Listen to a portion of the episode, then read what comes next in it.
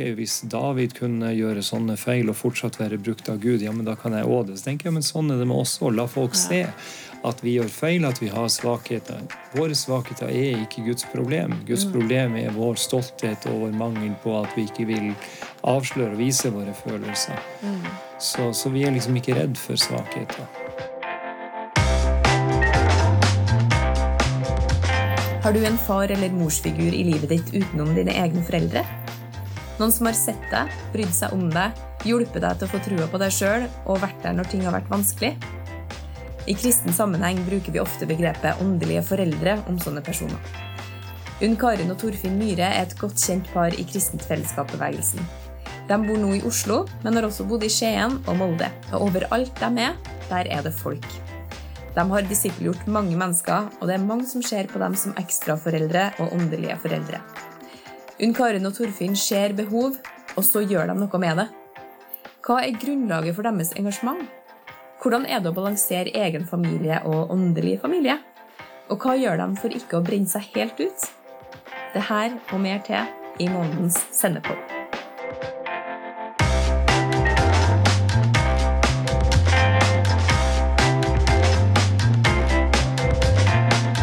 I denne episoden prater vi en del om to personer som Unn Karin og Torfinn har fulgt tett. Det er to kjente fjes i Kristent Fellesskap-bevegelsen og i Sennep, nemlig Shilga Tete og Reza Mohammadi. Begge har gitt sin tillatelse til at livshistorien deres omtales i Sennepodden. Og der er vi i gang. Og som sagt så har vi da Unn Karin og Torfinn Myhre på besøk live i studio i Trondheim. Det er veldig, veldig koselig.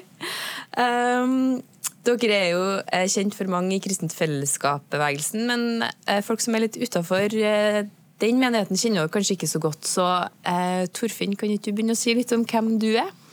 Jo, det kan jeg jo gjøre. Torfinn Myhre heter jeg. Vokste opp i Narvik. Og ble født inn i en familie med uh, ei mor som trodde på Jesus, og som tok meg med inn og lærte oss å, å tro.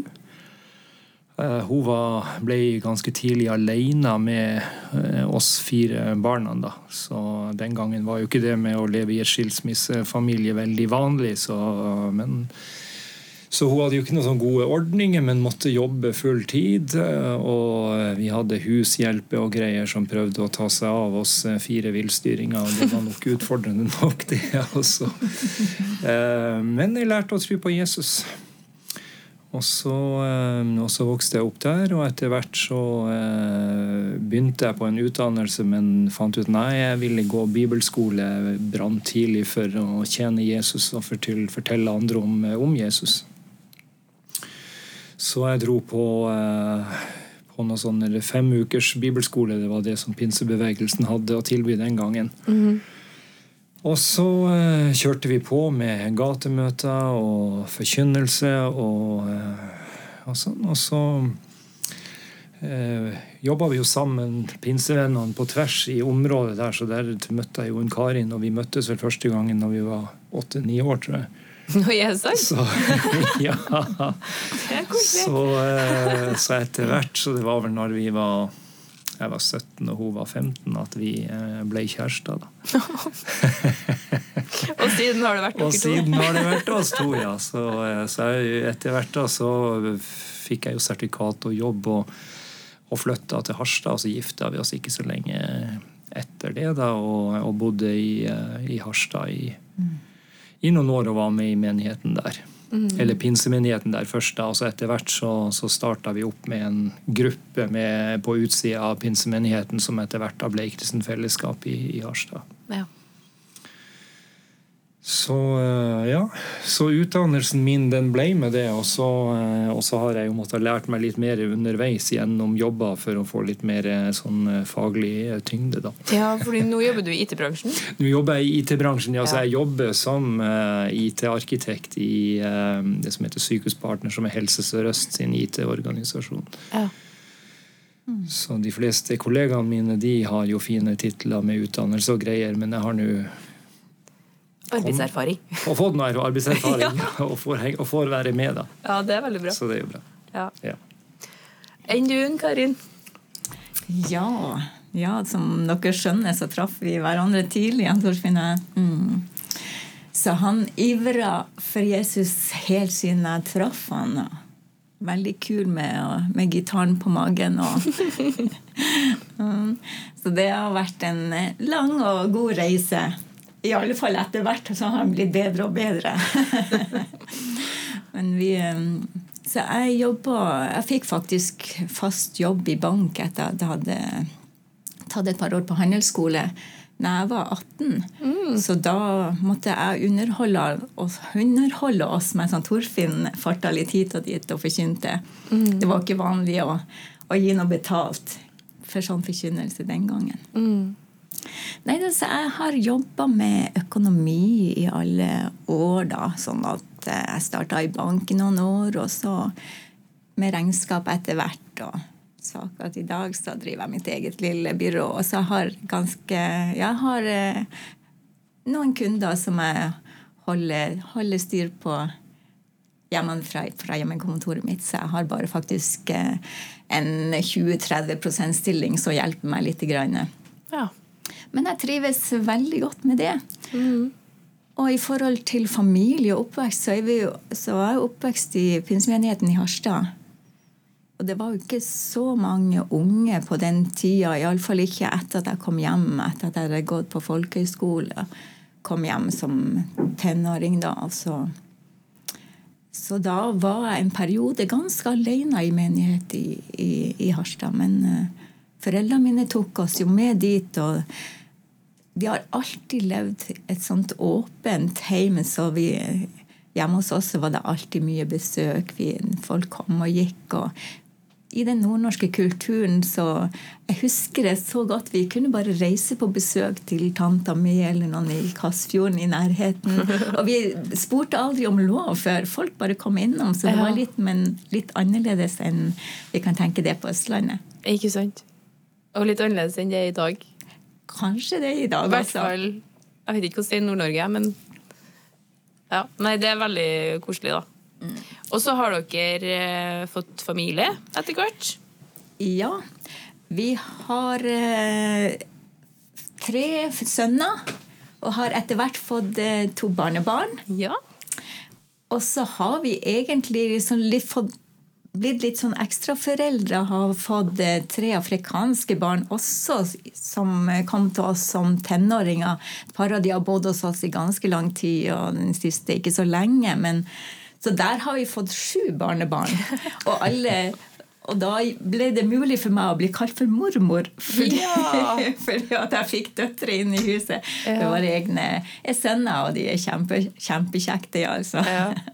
Men det er godt med begge delene. Det er godt med begge delene. Mm. Ja, Vi skal snakke litt mer om det her, for det er jo ikke alle som plutselig får tre afrikanske barn i tillegg. det kommer jo ikke på en måte av seg sjøl, så det skal vi snakke litt om. Um, men først så skal vi bare gå litt inn i den um, temaet åndelige foreldre. Fordi uh, det er jo et begrep som man legger noe i, og jeg lurer på hva dere legger i det begrepet, Torfinn?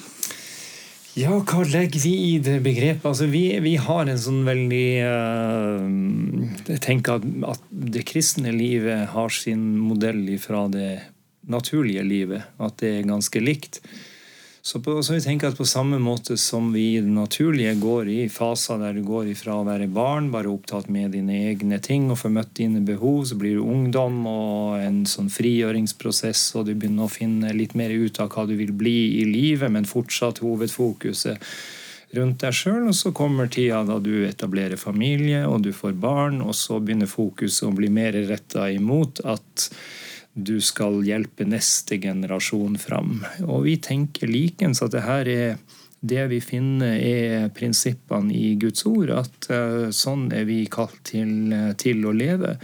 Så når vi kommer i voksen alder, ja, da må vi begynne å bidra og få fram neste generasjon. Som i større og større grad så blir vår hovedoppgave å ja, legge til rette for å støtte den neste generasjonen og hjelpe dem til å, til å, til å få ut sitt potensial og skape trygge rammer rundt den. Så vi har et sånn ganske enkelt eh, avslappa forhold til, eh, til, det at det, det kommer naturlig. Mm.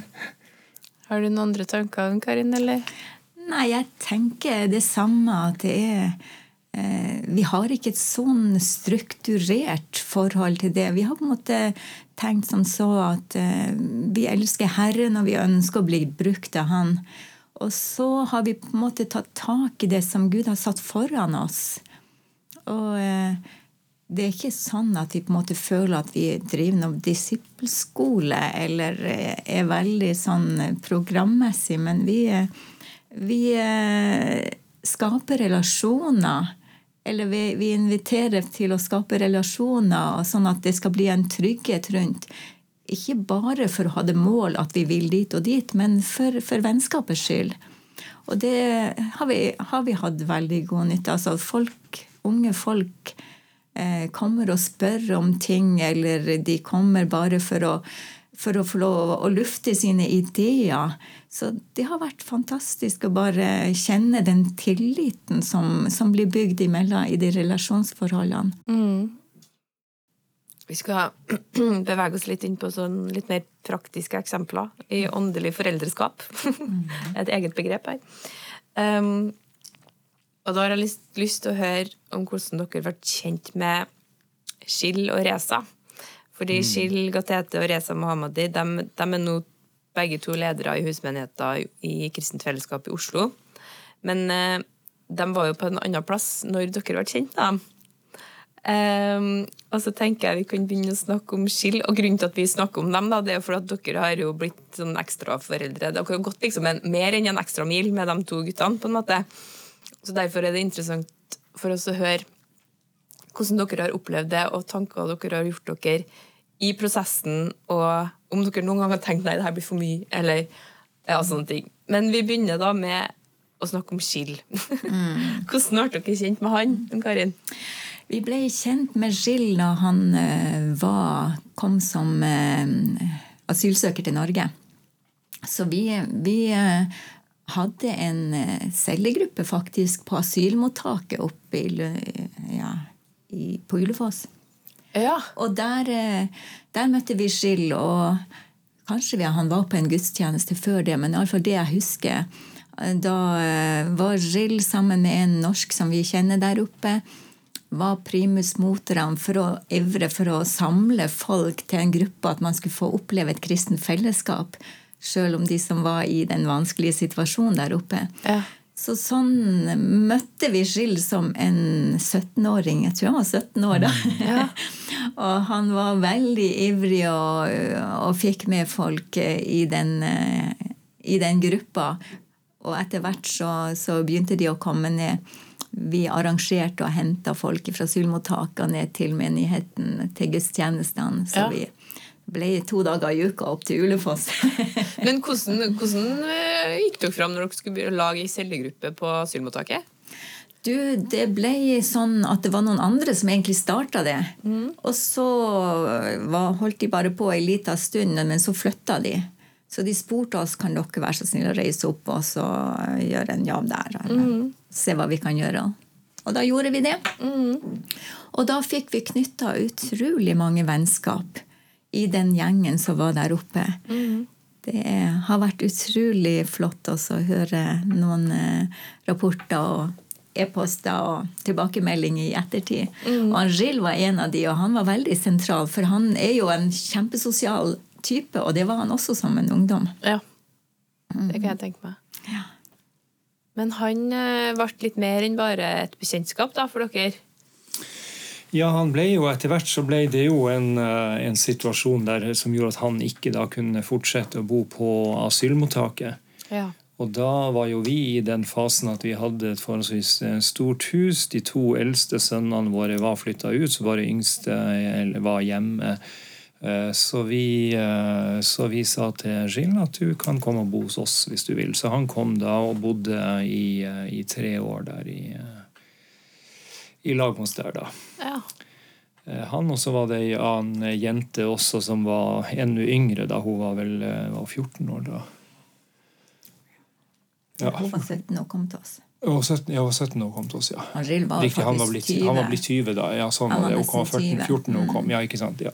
Som, som, eh, så, så da kom egentlig begge de to, og så, og så bodde hos oss i, eh, i de tre årene. Så da ble jo vi De begynte jo å kalle oss mamma og pappa, og, og, og begge er jo foreldre i dag, og barnebarna, eller barna deres kaller oss for, eh, for mormor og morfar. Men det skal det jo være sagt at, at eh, i afrikansk kultur så sier de gjerne mamma og pappa til de som er eldre enn seg sjøl. Ja, ikke sant? Så det er jo eh, Ja da. Så det er jo ikke bare det at, det, at de har på en måte blitt som ekstraforeldre, men det er jo litt i kulturen også. Nei da, men da kom jo Schindler og så bodde, og så ble det jo utvikla jo seg her. Så vi, vi så jo også at det her var en som, som Gud hadde lagt handa si på, men, men utgangspunktet vårt var jo bare at han hadde behov. Og vi, det er jo den grunnholdninga vi har, at Gud leder oss inn i ting, og vi må respondere på det som kommer i vår vei. da. Og Ja. her var det et behov også, som vi kunne fylle. Ikke sant? Så har det jo blitt en veldig tett og nær relasjon. Ja. Det skal jo være sagt at i den perioden så hadde vi ganske mye ansvar i menigheten ellers. Så vi hørte jo de røstene rundt oss. Kanskje det kunne vært noen andre som kunne tatt noe ansvar her. Ja. Ja, så er det, det er vi veldig åpne for. Men det kom ikke noen andre. Nei. Så da, da eh, Vi har opplevd at Gud la det på hjertet vårt. Hvordan kan vi gå videre og bare lukke øynene når det er det behovet der? Ja. Så da bare tok vi et valg og ha en tillit til at Gud skulle gi oss nåde nok og styrke nok. Og selvfølgelig så snakka vi med, med alle guttene våre, selv om de ikke bodde hjemme, om de syntes det var greit at vi gjorde det sånn. Så de, var- de var helt, de støtta oss i det. Så det, det var godt. Ja. For det er noe med å Hvis man kjenner Hvis man da har mye ansvar og har kanskje en jobb, og så har man en sønn som bor hjemme, og så Det er jo fort gjort, kan kjenne i hvert fall jeg, på at man bare kjenner på hvordan har jeg det akkurat nå. Akkurat nå er jeg kjempesliten. Akkurat nå orker jeg ikke å tenke på å ha, få to nye unger i huset, liksom. Men kan du si litt om hvordan kommer man seg videre fra den tanken? Jeg tenker vel på at det har noe å si med den der tilliten den Gud. Som dagen er, skal din styrke være. Og det har jeg tatt sjansen på, Ja. rett og slett. Så det å på en måte kjenne Guds hjerte i det og kjenne Et eksempel kan være at du er så dørgesliten en dag onsdagskveld, og så skal du på en gruppesamling. Åh, Det hadde vært deilig bare med beina opp i sofaen i dag. Men så reiser vi allikevel, og så kommer du hjem igjen og føler deg forfriska. Det bare viser deg at Gud har, har en kraft og styrke til oss som, vi, som er utover det normale, eller utover det som vi tenker er, burde være. ikke sant? Så, Ja. så vi har opplevd det gang på gang at, eh, at vi kan ha tillit til Gud, for han gir den styrken vi trenger. Og når vi er sliten, så er vi sliten, da slapper vi av. Men, men når vi har kraft, så går vi på. Mm, Det er vel det den der historien om Jesus med, med brønnen i Samaria eh, også forteller oss egentlig at eh, Jesus var trøtt og satte seg på brønnen. Disiplene gikk inn i byen for å kjøpe mat. Og når de kommer tilbake, så vil ikke Jesus spise. Så sier han det at nei, min mat er å gjøre Guds vilje. Så vi ser liksom noe her med at han henta kraften sin ifra, ifra Gud, og ikke bare ifra det naturlige. Og jeg tror jo det her er en nåde som som vi kan leve i. Så ja, vi kan bli slitne. Ja, det kan bli krevende. Men, eh, men Gud, det Gud leder oss inn i, kan vi alltid gjøre. For han vil gi oss den styrken vi trenger. Ja, det er jo noe med gi, eh, gi, så skal dere få. Er det Ja, ikke sant? Ja, At man liksom, absolutt. hvis man gir inn i det som Gud har lagt foran deg, så kan det se ut som jobb på utsida, men så er det egentlig eh, å gi noe som Gud har lagt i hendene dine. Mm, Ja. Um, og så får du en styrke og nåde tilbake, på en Ja. måte. ikke Det er en kjempetilfredsstillelse i det. Ja. Og av og til så, så ser du ingen resultater, men du bare stoler på det at han som har bedt meg om å gjøre det, han får ta ansvaret for det. Ja. Ikke sant? Men um, Er det noen spesielle øyeblikk dere husker spes med Skill, eksempel, da? Som, som, dere, som stikker seg ut med den veien dere har gått med han? Ja, det er, jo, eh, det er jo mange eh, ting man kunne dra fram. Kari nevnte vel allerede det her med at vi så første gangen vi, vi, møtte han, så så vi jo at her var det jo en ung gutt. Han var 17 år da, og han drev og samla og var liksom eh, motoren i å få den her fellesskapet på det asylmottaket til å, til å, fungere. og Det gjorde jo et veldig inntrykk å se en sånn ung gutt være så bevisst. fordi at vi, Og vi bare erfarte det her er ikke for å ha en sosial klubb, men det her er iveren etter at alle skal få både møte omsorg og bli tatt vare på, men også at de skal få møte Jesus, som var det beste Jill hadde opplevd i livet sitt. Mm. Så Uh, og så har vi jo uh, så har vi jo hatt Etter han flytta til oss, så var det jo flere ting vi uh, Vi var jo med gjennom ganske krevende ting før han fikk oppholdstillatelsen, og så jo det presset som han sto under. Han fikk jo en, tatt en utdannelse der vi så Guds godhet. At han hadde, skulle jo egentlig ikke få utdannelse i Norge, men fikk det. Ja. Skolen var åpen og, og var velsignende og tok han inn. og og han, eh, han, fikk den utdannelsen han skulle ha. Eh, på hjemme så så vi jo at den omsorgen og det som lå i Gilles der, var Han var jo en som ungdom fulgte. Han var jo en leder av natur. Eh, og samtidig så hadde vi jo noen sånne diskusjoner der, der, han sa nei, han vil ikke være et forbilde, han vil ikke være leder. Og så eh, måtte vi liksom snakke ja, men det kan du faktisk ikke velge. Du, eh, du, er det enten du vil eller ikke. Det eneste du kan velge, det er om du vil være et godt eller dårlig forbilde. og en del sånne ting. Så vi har jo sett gjennom årene at at han har modnes veldig i det, og i dag fremst, fremstår som en veldig trygg eh, trygg leder. Og så har vi jo det andre tinget var jo med når han skulle få oppholdstillatelse, så var jo det også litt krevende, for da måtte han jo reise til hjemlandet, som han egentlig var veldig eh, Det var skremmende. Ja, for der hadde å dra tilbake der. Var... Nei, han hadde ikke vært der siden han var 17 år og dro derifra. Så han, det var skremmende opplevelse. Så da, så da reiste jeg med han ned og sa hvis det hjelper deg, hvis det gjør deg tryggere, så skal jeg bli med deg ned. Og så reiste jeg ned og var ei uke i lag med han eh, der nede. Altså før jeg, så reiste jeg hjem, og han ble igjen videre i lag med faren der nede. og sånt. Mm. Så vi har jo eh, hatt egentlig mange sånne ulike mm. opplevelser som gjør, gjør inntrykk. altså. Og den dagen han kom og fikk jobb og, og, og oppholdstillatelse i Norge, så, så har jo han så mange venner på Facebook, vet du. Mm. i, eller i hele nabolaget og i byen. Da bodde han ikke hjemme hos oss, men da inviterte vi til å komme og si hei til han når han kom hjem. Og det var gangen den var stappfull av sko. Og det var ikke bare ungdommer, det var gamle og unge, og det var en jeg tror det var over 50 stykker hjemme i stua vår den dagen. altså, så det bare, viser, det bare, viser, hvor folk, eh, hvor folk hvor, glad folk var i han, eh, er i han Gill. Ja. Mm. Så det var bare en fantastisk opplevelse, og han var skikkelig rørt. Han hadde nesten ingenting å si. Nei, det kan jeg tenke meg. Liksom, først fått oppholdstillatelse, og så bare oppleve at folk er så glad på hans vegne. Mm. Men det er jo ganske sterkt av dere å, å liksom reise ned sammen med en, da. På, det er jo en tur Det er jo langt til Afrika. Ja, ja, altså Faktum er jo at vi hadde jo vært og besøkt familien vi eh, et par-tre ganger ja. uten at han kunne være med. da. Ja, ikke sant? Så vi var jo blitt kjent med, med familien ja. Eh, der nede. Og de hadde jo for så vidt også vært og besøkt uh, Norge, så vi hadde jo møtt dem her òg. Uh, men ja Nei, for, for, for, for, oss var ikke det noe stor ting. Altså, det var, han trengte støtten, og da må vi støtte han. Ja.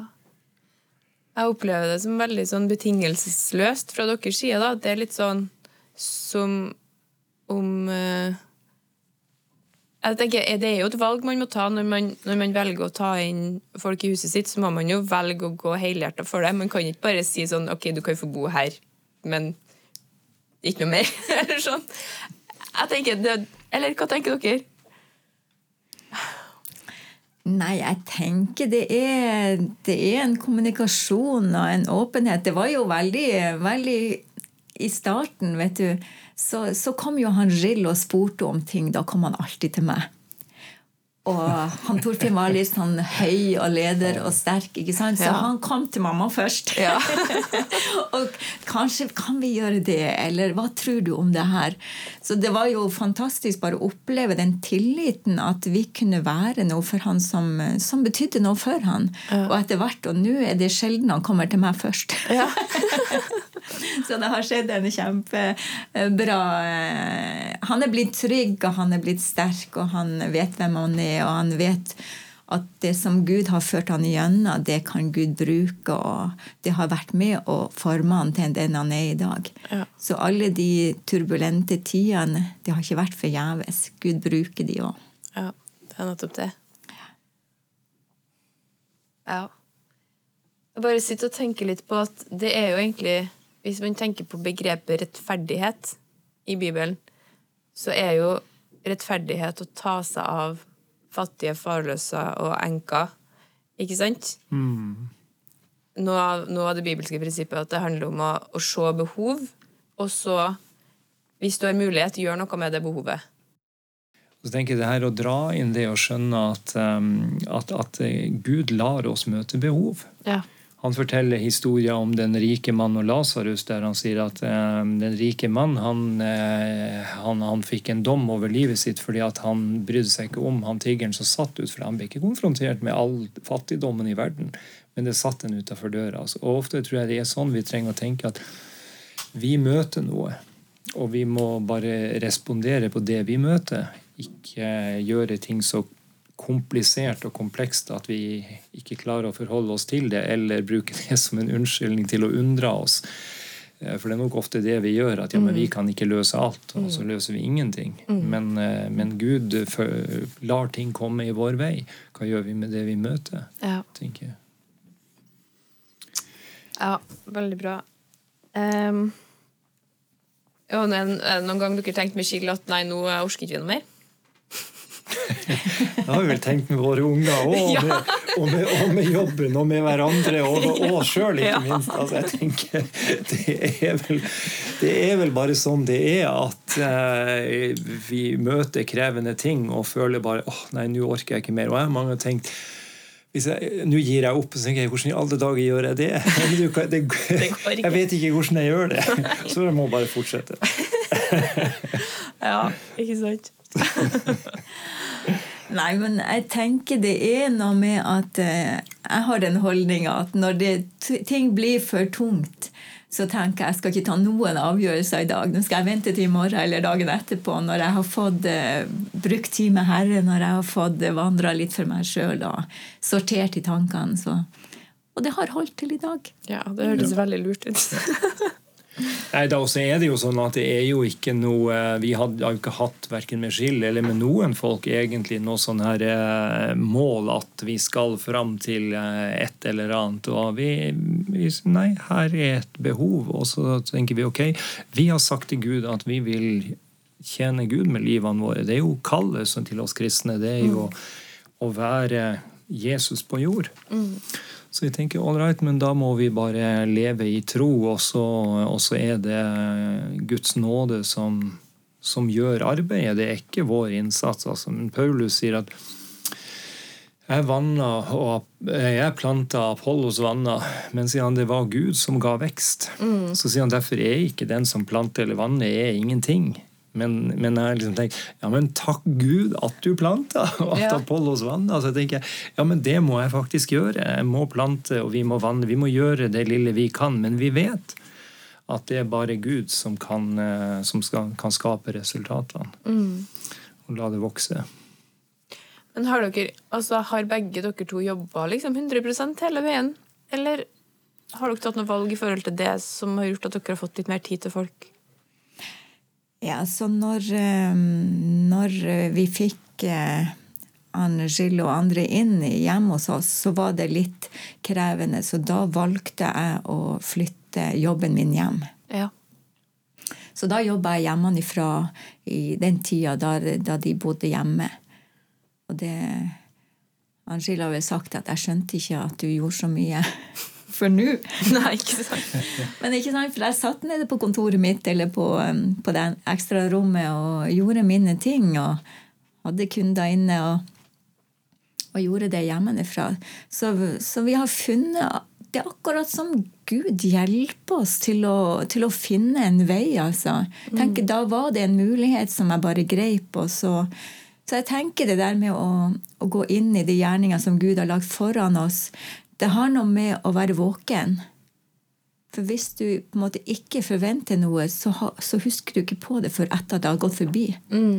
Så det har vi hatt snakka litt om i, i, eh, i perioder. At, eh, at det, det er fort at det går forbi, men hvis man er bevisst og tar opp det som man opplever, så, så er det lettere å være alert altså på, på alerten når, når ting skjer. Og så kanskje vi kan bare gi et smil, kanskje vi kan være vennlig. Det står jo faktisk der 'la alle få merke at du er vennlig'. Herren er nær. Ja. Så hvis vi tror at Gud bor i oss, så, så vet ikke vi hva det vil bety for andre, men vi kan iallfall gjøre noe. Det, det koster jo ikke så mye. Nei, sant. Ehm, vi skal gå litt over på å snakke om en Reza, da. Uh, fordi Reza Mohammadi han, han kommer fra et muslimsk hjem. Eh, og så endte han opp som kristen pastor og menighetsleder. Det er jo en reise som dere har vært med på. Eh, kan dere fortelle litt om, om hvordan dere kom i kontakt med han? Ja, ehm, Første gangen vi møtte Reza, det tror jeg var i uh, Gill sin 20-årsdag. For at Reza og familie, altså mora til Reza, eller mor til Reza, som vi kaller henne Hun, eh, hun jobba på det asylmottaket der Skill var. Ja. Eh, så de ble jo kjent, da. ja. Um, eh, så jeg tror første gangen vi møtte Reza, som jeg husker i hvert fall, det var i eh, 20-årsdagen til, til Gill, som vi feira på menighetslokalet i Skien. Og da husker jeg det kom en ung iraner, og jeg la merke til og spurte hvem, hvem er han eh, eh, Og bare merka det var et eller annet eh, med han. Eh, og så hadde Da var jo han fortsatt muslim, eller eh, i hvert fall ikke tatt imot Jesus. Han, eh, men, men kort tid etter det så opplevde jo han en, eh, at en kristen leder som han hadde i Bø Sommerland, der han jobba, eh, ba for han, så han ble momentant helbreda. Ja, ikke sant? Så det er jo et kjempesterkt vitnesbyrd, den reisa hans. Altså. Så Ja. han tok jo imot Jesus, og, um, og så ble jo da invitert jo Gill med inn i denne gruppa vi hadde på asylmottaket. Så, så da begynte jo vi å bli kjent med han, og begynte å ta han med til, til gudstjenestene og samlingen i Skien, og etter hvert hjem til oss. og sånn så. Så da ble vi jo mer og mer kjent med, med Reza også. Og så kom jo han fra en muslimsk familie, og, de, og foreldrene var jo ikke entusiastiske for at han eh, var blitt en, en kristen. Så det her fins jo en, et vitnesbyrd som han eh, forteller om det andre plasser som er, som er verdt å høre. Altså, for det er veldig sterkt altså, å se hvordan han eh, vokste og utviklet seg. Allerede fra da så hadde han en veldig hunger etter å lære å kjenne Jesus og etter Guds ord. Eh, Så det ble jo en veldig sånn kontaktpunkt. Eh, Ja. For jeg er jo en sånn bibelstudent. og em, Så vi fikk en veldig nær og god relasjon veldig fort med, med Reza, og etter hvert eh, begynte å bli kjent med, med familien også. Og i dag så er jo hele familien har jo tatt imot Jesus. Ja, det så han vant jo eh, søstera veldig fort. Altså, så Ja. hun lillesøstera hun ville jo følge Jesus. Og det, ja, det er en sterk historie, det. altså. Er det noe du, Karin, husker på spesielt med Nei, det var bare så, så livsforandrende, det som skjedde med Reza, at plutselig så, så var han så overbevist. Så det, det, det var så tydelig at det skjedde et sånt skifte med han, at han eh, og du ser det også på, på søstrene at de har, en, de har grepet noe som mange som er oppvokst i kristne heimer og sånn, ikke har opplevd, kanskje. Ja. Fordi at det har vært så naturlig og så, så eh, forventa, kanskje. Så det var så var overbevisende med han for at han måtte ta et valg som han visste ikke var populært. Ja. Og det var Han Reza er jo en type som alltid er så eh, Han er som du snakker om, han, er- han er en ordets mann, og han er jo veldig flink med ord og sånn, så han oppmuntra oss fra første stund. Han hadde gode ting å si om oss. Tenk at dere inviterte meg. Takk, takk for at dere gjorde det. Så han har vært et skikkelig eksempel for oss i å på en måte sette ord på det som er bra, og bringe velsignelse til folk. Så han er bare en super fyr. Så bra. Er det Uh, Har det vært hva som har vært forskjellig med, med veien dere har gått med Reza og Skild? De er jo to forskjellige mennesker, da, så det er jo forskjellig, på en måte. Men uh, har det vært mer disippelgjøring på en eller annen måte, eller med den ene eller med den andre? Altså, Gilles bodde jo hos oss og trengte foreldre. Reza hadde jo en, en sterk og veldig god familie. Kjempegod Ja. familie. Altså, så, så, så det er klart at det Det gjorde jo forskjellen med at vi var såpass nær Gilles. da.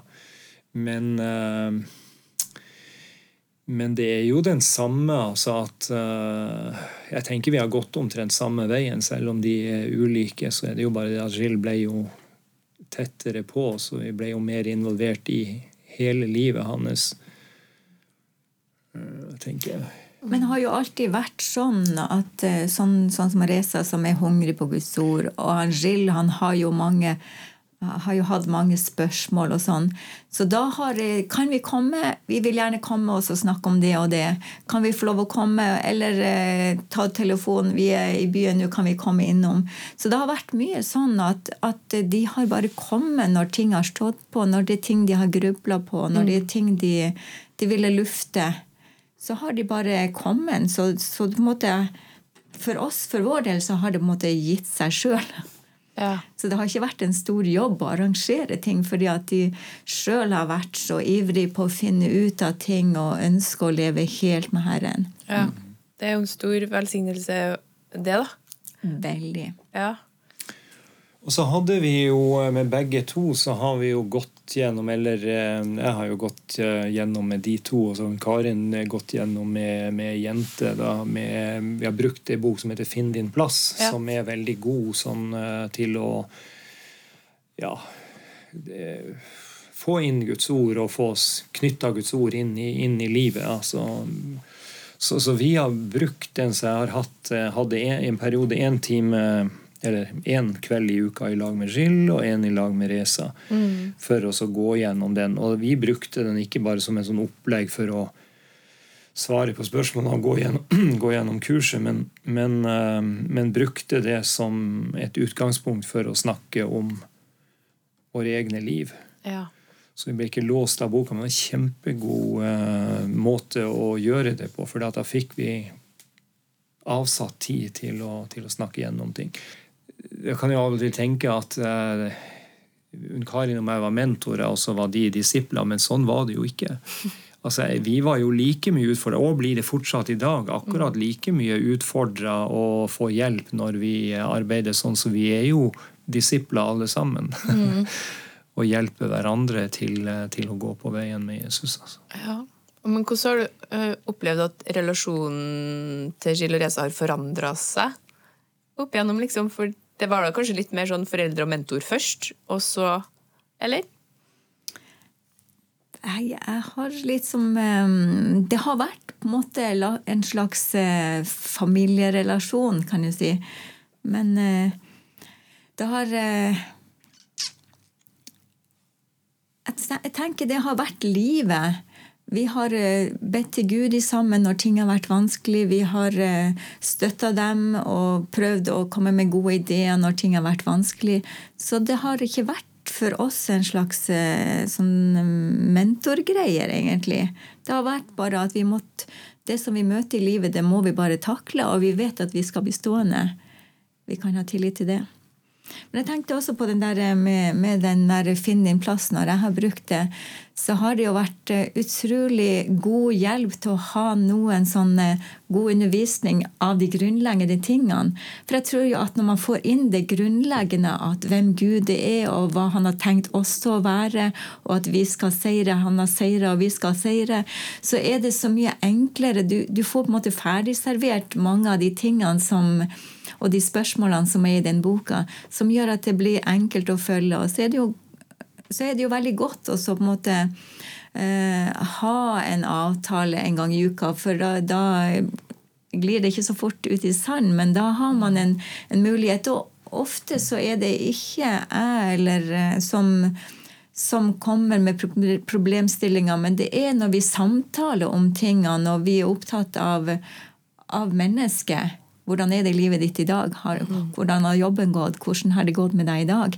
Og så tar vi den eh, tida med Guds ord. Og, så det har vært det er akkurat som Gud plutselig bruker akkurat det som vi har kommet til, mm. til hjelp i det som er i dag. Så ja. det har vi opplevd stadig, at Guds godhet er der til hjelp i rette tid. Ja. Jeg har lyst til å, å bare snakke litt mer om Fordi at jeg kan kjenne på i mitt liv at det er altså så mye å ta stilling til. Det det er barn, det er mann, det er jobb, det er mannen sin jobb. Det er liksom Og noen ganger så kan det være liksom bare Å, vi burde ha hatt noen på middag, ja. Å, det burde vi. Ok, hvordan dag går det? Nei, da er det fotballtrening, da er det håndballtrening, da er det litt sånn Kanskje den torsdagen, og så kommer den torsdagen, og så er man helt sånn Åh! Så bare hvordan balanserer man Eller hvordan Skjønner dere hva jeg mener? Jeg. Jeg skjønner hvordan finner man på en måte plass i livet sitt? Fordi er det noe jeg vil, så er det jo å, på en måte Og det leve et åpent liv og ha et åpent hjem. Og så er det bare noen, I noen sesonger av livet så, så har det ikke gått, da. Mm bare kom på en historie. Ja. Fordi at eh, eh, Hjemme hos oss så har det jo alltid vært sånn at de her guttene de elsker å ha med folk hjem og overnatte og sånn. Mm. Og også i de ungdommene som vi har hatt rundt oss i den tida i Skien, så, så det er en som kom tilbake igjen til, og sa til oss For eh, når vi flytta fra Skien, så har jo ikke vi hatt kontakt med han, for han flytta også på, på, på en lang tid. Eller, eh, så vi, Det var ganske lenge siden vi hadde truffet Men så kom han og sa takk for at vi fikk lov å komme hjem til dere. For da så vi hvordan, eh, hvor godt det går an å ha det i en familie med mor og far.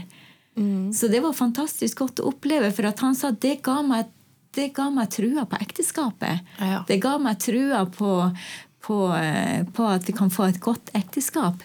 Ikke sant? Fordi at det, det var eh, vanskelige forhold der hjemme i, i den heimen. Mm. Så jeg tror at eh, når man møter barn, og jeg er sikker på det kommer unger ut og inn hos dere, mm. og et menneske et menneske, uansett hvor stort det er, om det er liten eller stor, så det er ikke bestandig at man trenger å ha den der seriøse middagsplanlegginga, men bruke de sjansene der og da, og bare være god og vise godhet. Mm. Ikke sant? Der man er. Så har vi vel eh, noe som er litt utfordrende. Vi var så vidt inne på det her med at eh, kanskje det bare i nord, kanskje det bare tida. At eh, det var mer sånn folk bare gikk og banka på døren. Vi har jo forsøkt det, vi også. har Gjort det en del eh, Kanskje særlig den tida vi bodde i Skien, å bare gå til folk uten å avtale. Og de blir jo vel tatt imot. Så, men eh, Eh, men, men, her har vi jo en utfordring inn i det her kulturelle utfordring som jeg, jeg, stadig tenker på. Hvordan løser vi den? Vi ser jo i dag at vi er ikke flinke til å invitere folk, men vi har et åpent hjem. Og så er jo utfordringa at ja, men folk kommer jo ikke. Fordi at de venter på en invitasjon. Ja. ikke sant? Så, så, vi har noen utfordringer i kulturen vår som, som jeg ikke, ikke helt vet hvordan vi skal løse. Men eh, vi gjør det vi, eh, det vi kan. Altså, så vi bruker de anledningene som er. Og så tenker vi ikke at vi må arrangere og lage en masse med å be folk til middag, og sånt, men tørre å bare ta folk inn eh, i vårt liv. At det er ikke så farlig om ikke vi har alt på stell og arrangert så mye. Jeg husker Mens vi var i Skien, så hadde vi en periode der vi drev og restaurerte og, og gjorde ting i, uh, i, huset, og da var jo ikke ting i orden i det hele tatt. Uh, men vi hadde jo ei gruppe der som vi, skulle, som vi ville treffe og ukentlig. Og jeg tror nok det var noen som, som stussa litt, altså, men, men vi, vi, inviterte dem inn midt i det kaoset. Der hang det plastgreier for å skjule støv midt i stua. og det var, Høres kjipt men, Ja, ikke sant? Så tenker jeg, men ikke, Vi kan ikke la oss hindre av det. Sånn er det. Uh, og jeg tror jo at det folk uh, mange ganger trenger, det er å treffe oss som som like mennesker. Altså vi, eh, vi, kan fort få en sånn fasade, og de opplever bare og hører bare de sterke vitnesbyrdene, og så kommer du på en pidestall, og så klarer ikke folk å relatere seg til det. Mm. Og jeg husker når Gill sa en gang uh, Han skulle fortelle noen om uh, erfaringen fra tida hos oss, og da husker jeg han sa det at det som, det som hadde betydd mest for han i den tida han bodde hos oss, var ikke alle de gode talene, eller alt det her, men det var å se hvordan vi levde trua ut i et daglig i et hverdagsliv med alle de utfordringene som, som, er der. Så jeg tror folk trenger å se livet, og at vi bare trenger å slappe av. og si at Vi trenger ikke å arrangere så mye, mm. men bare stole på at uh, Guds nåde er der. Ja. Mm. No, I forhold til det å, å å komme i kontakt med folk, så har jo vi vært så heldige at vi har fått inn nye i Vi leder en gruppe, en sånn husgruppe. Og der er det mm, unge folk. Både, både unge og noen eldre.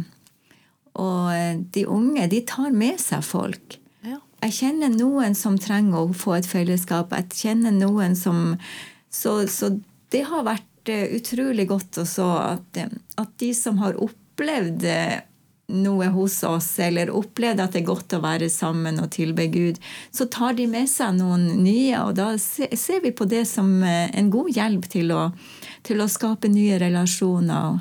Vi elsker jo mennesker, og det, det Ja, jeg syns det, det, har vært en fantastisk tid også å kjenne på det at, eh, at til og med de som har vært hos oss som ennå ikke kjenner Herren, de har lyst til å komme. Ja. Og vi har gått en vei sammen. Ikke, bare, ikke fordi at de, de, ønsker å følge trua vår, men de ser måten vi lever på. Jeg har også lyst til å bli sånn som dere. Mm. Så det er noe med at vi, vi har ikke den der strukturen på at vi må kristne folk, men vi vil dele livet, og vi har en tillit til at Herren er nær, og at det beste de kan få, det er det gudslivet. Men det overlater vi til Gud å ta tak i. Mm. Mm. Men hvis, dere, hvis, det kommer en, eh, en, ny person på huskirka, da, og så er der med dere Er det sånn at dere da på en måte automatisk tar videre kontakt med den personen og sier liksom 'Hei, har du lyst til å komme på middag en dag?' Eller er det sånn det funker, eller? Eh, ja, hvordan funker det? Jeg tenker Det eh, har vi vel ikke noe oppskrift på. Altså. Men noen av de som vi har eh, som har blitt involvert med oss Vi har møtt folk på gata som har solgt 'Folk er folk'. Ja. Vi har, som har blitt Det utvikla seg en relasjon og et vennskap, og så har de sett Gud gjøre ting i livet. Noen har kommet på gruppa, noen har, som hun sier Karin sier at noen i gruppa har sagt jeg har en venn som trenger hjelp, kan, kan dere eh, hjelpe? Og så blir det en kontakt der, og noen treffer vi med. Altså, det er forskjellig, men vi, jeg vet ikke om vi kan eh, gi noe sånn uh, vi, vi, vi, tenker vel ikke så veldig mye over det. Vi bare prøver å respondere på det som som vi ser. Noen blir det en tett relasjon, men noen blir det ikke så tett. Det... Mm. Mm. Er, det, er, det, alltid flere til middag hos dere? Nei, nå er det vel stort sett uh, oss til middags. Det har jo vært perioder i livet når det har vært eh, Mulig at det var aller mest i den tida mens Skill og mens ungene var små, og mens, eh, mens Skill bodde hos oss, at det var spenning med hvor mange blir vi til middag i dag. Men, eh, men ellers, stort sett, så har det vel vært eh, I hvert fall nå så er det stort sett oss. Ja, det, det er når vi inviterer inn, altså. Hadde ei på besøk eh, her om dagen som skulle være med på gruppa. Og da sa jeg da kanskje du kan komme. Vi skulle reise sammen, og visste ikke hvor vi skulle henne, så da kan vi spise, spise sammen før vi reiser dit. Mm. Det er jo de som, eh, som, eh, som vi har blitt kjent med sånn på Airbnb. Ja, ikke sant? Ja. Så det er jo veldig hyggelig. Mm. ja, for dere har en liten hybel som dere leier ut på Airbnb i huset deres. Ja.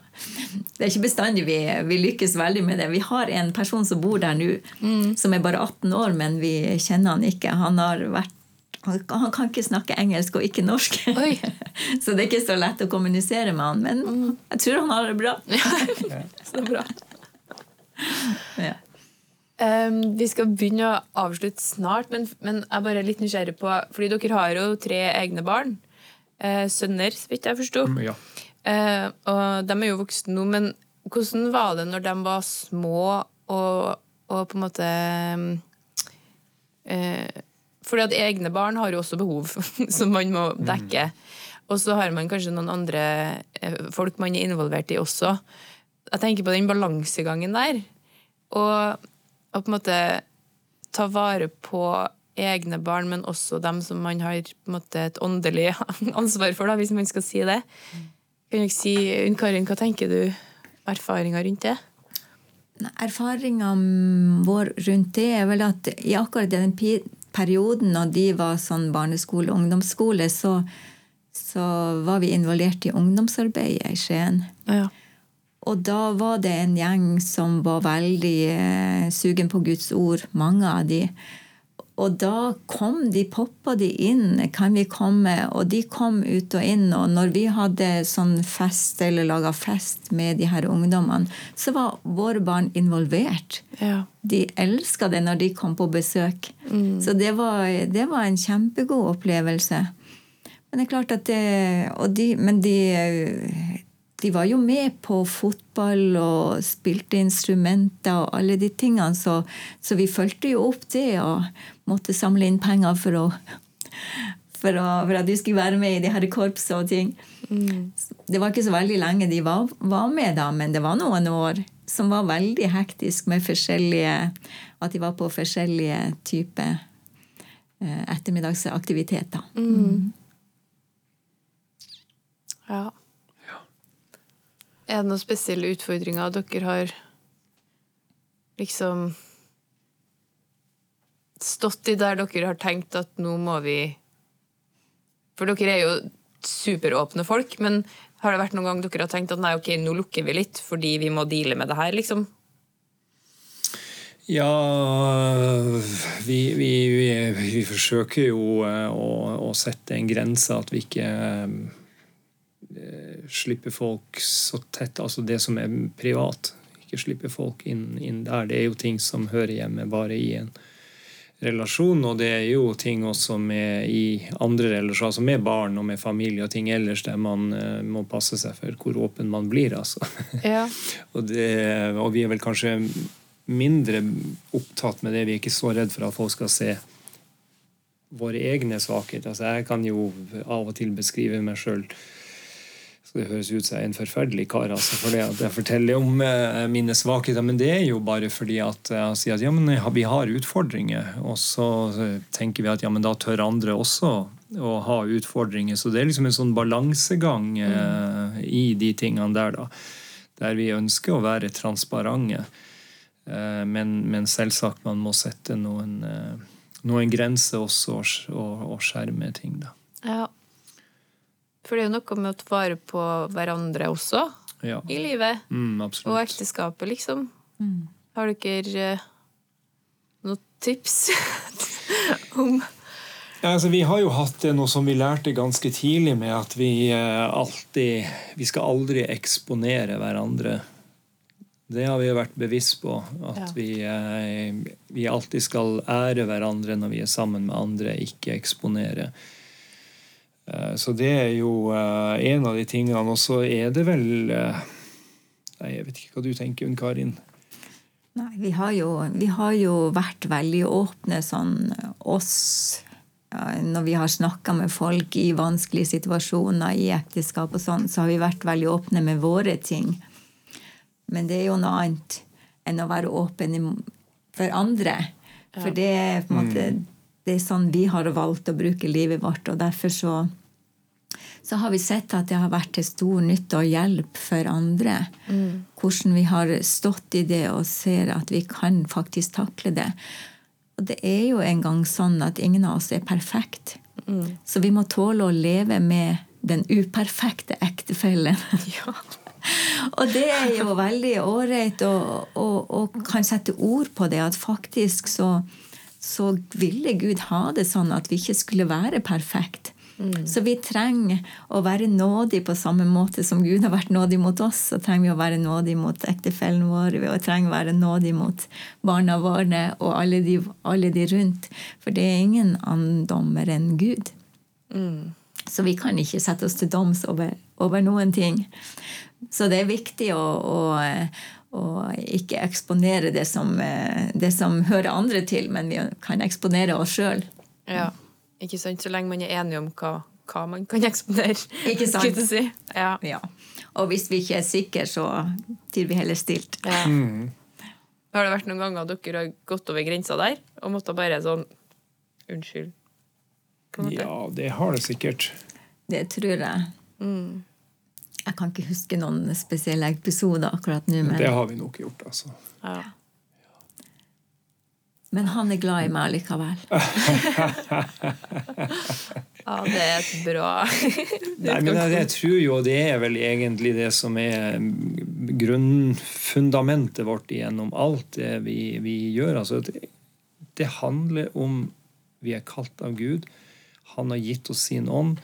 Han, Den hellige ånd er der han hjelper oss og leder oss i det her med hvordan vi skal møte behov og hjelpe andre. Og han møter oss i vår egen relasjon. og og når vi har våre egne svakheter så, som lar folk se dem, ja, så ser de at eh, ja, ok, hvis David kunne gjøre sånne feil og fortsatt være brukt av Gud, ja, men da kan jeg òg det. Så tenker jeg, men sånn er det med oss òg. La folk se at vi gjør feil, at vi har svakheter. Våre svakheter er ikke Guds problem. Guds problem er vår stolthet og vår mangel på at vi ikke vil avsløre og vise våre følelser. Så, så vi er liksom ikke redd for svakheter. Jeg tenker det, det, det er Gud som, som virker gjennom det å bruke det. altså. Ja, det er sant. Um, ja. Jeg tror eh, Jeg tror vi avslutter der, jeg. Ja, Det har vært utrolig trivelig å prate med dere. Og så Jeg bare sitter igjen med en slags sånn her eh, eh, oppfordring i meg sjøl til å bare se det Gud legger foran meg. Og så er det et behov man ser, liksom finne ut om man kan gjøre noe med det. Og hvis man kan, stole på at man får ressurser som trengs til at det ordner seg. Trenger ikke å være verre enn det. Nei, det. Og tusen takk for at vi fikk komme og fikk invitasjon til å være med her. Det var Ja. veldig hyggelig, altså. Så bra, og takk for at dere kom til Trondheim. Tusen takk. Ha det bra. Takk for at du hørte på Sennepodden. Mer spennende stoff finner du på sennep.net, og du kan også følge oss på Facebook og Instagram. Sendepodden finnes i den podkastappen du bruker, og hør gjerne også på våre to andre podkaster, Alvorspraten og Bibelkvarteret. Sendepodden alt annet enn overfladisk.